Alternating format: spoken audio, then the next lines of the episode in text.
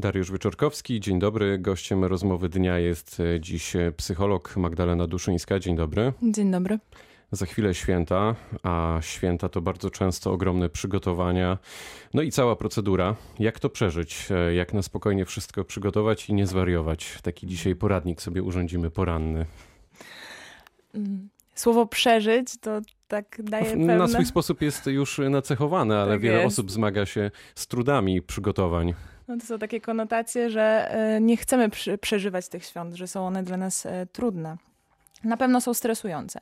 Gdyby ta rozmowa była, miała miejsce wcześniej, to mm, pewnie zaczęłabym od tego, że nie warto zostawiać wszystkiego na ostatnią chwilę, ale że jest. Mamy jeszcze przed sobą weekend, czyli teoretycznie jest czas na to, żeby się przygotować pod każdym względem. Mhm, to prawda. E, na pewno e, święta są stresujące i e, nie wiem, czy wiesz, ale istnieje taka lista stresorów, czyli stresujących sytuacji. I na początku tej listy są takie rzeczy jak śmierć małżonka na przykład albo rozwód, ale znajdują się tam e, również e, święta Bożego Narodzenia. Więc. To brzmi strasznie, to może jednak wprowadźmy urlop naszych również słuchaczy w nieco bardziej świąteczny nastrój. W takim tak razie, jak to dobrze zrobić, właśnie, mhm. żeby się nie stresować, bo tutaj trochę wyprzedziłaś i to jest moje drugie pytanie. Okay. Stres y, w ujęciu psychologicznym to jest różnica pomiędzy oczekiwaniami i zasobami, e, czyli musimy od siebie zauważyć, co od siebie oczekujemy.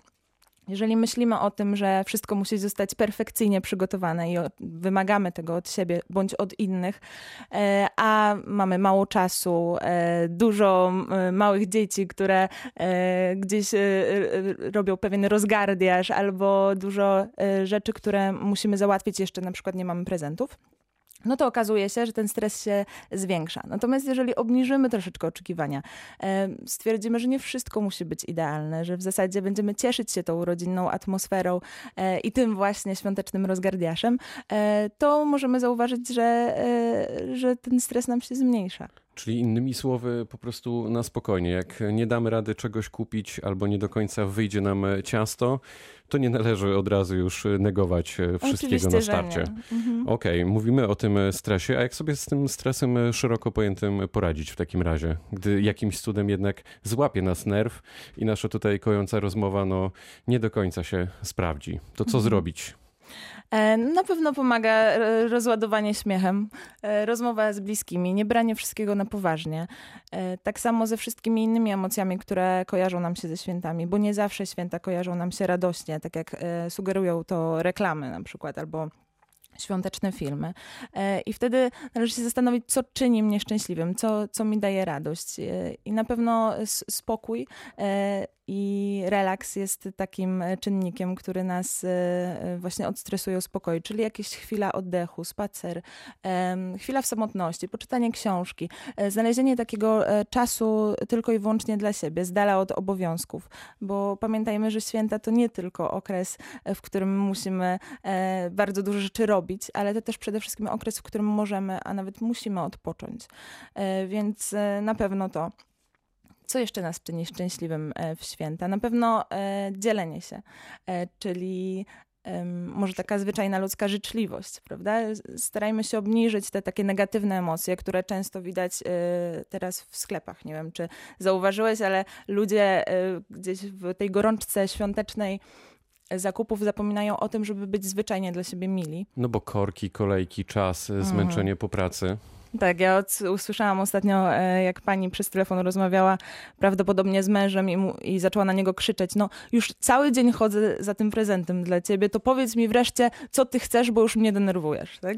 I to jakby mylimy się troszeczkę z, Czyli o e, krok z tą od ideą. Rozwodu, a niby święta.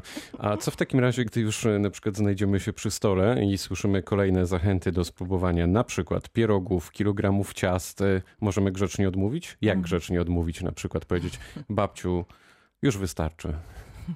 No to jest na pewno dobra reakcja. E, albo babciu, bardzo dziękuję, przepyszne pierogi. Jednocześnie nie mogę już więcej zjeść. Tutaj słówko jednocześnie jest moim ulubionym słowem, jeżeli chodzi o takie e, rodzinne rozmowy.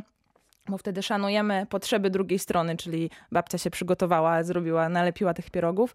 Natomiast my możemy mieć swoje zdanie i to jest e, takie piękne, modne słowo jak asertywność e, i, i możemy odmówić, mamy do tego prawo, e, ale na wszelkie inne pytania, które możemy usłyszeć przy rodzinnym, wigilijnym no zaraz stole. do tego dojdziemy. Okay. To jak w takim razie tak modelowo, podręcznikowo odmówić? Hmm, modelowo, e, podręcznikowo. Unikałabym słówka ale, bo ono wiele osób e, wprawia w, w taki stan poddenerwowania, ale słowo jednocześnie jest już e, takim słowem bardzo dobrym, czyli bardzo cieszę się, że tyle jedzenia jest na stole, wszystko mi bardzo smakuje, jednocześnie więcej nie uda mi się zmieścić.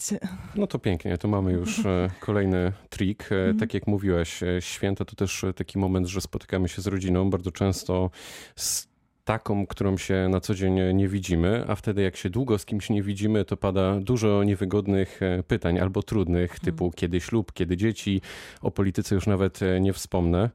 Jak wybrnąć od niewygodnych tematów?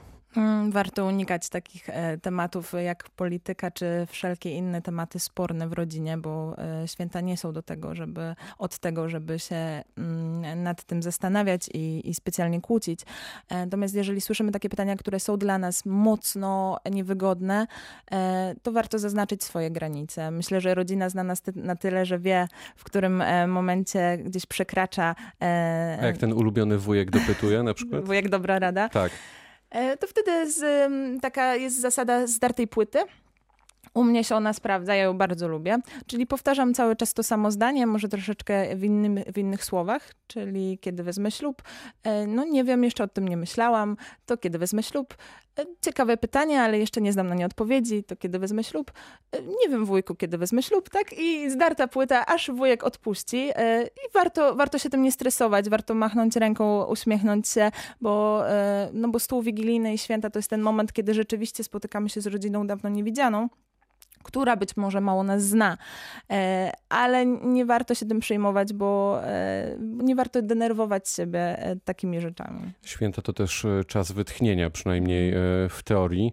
Jak wytchnąć? Da się wytchnąć w święta? Jak sobie zaplanować te dni wolne, żeby z jednej strony je przeżyć, coś z nich mieć, ale też mieć trochę czasu dla siebie?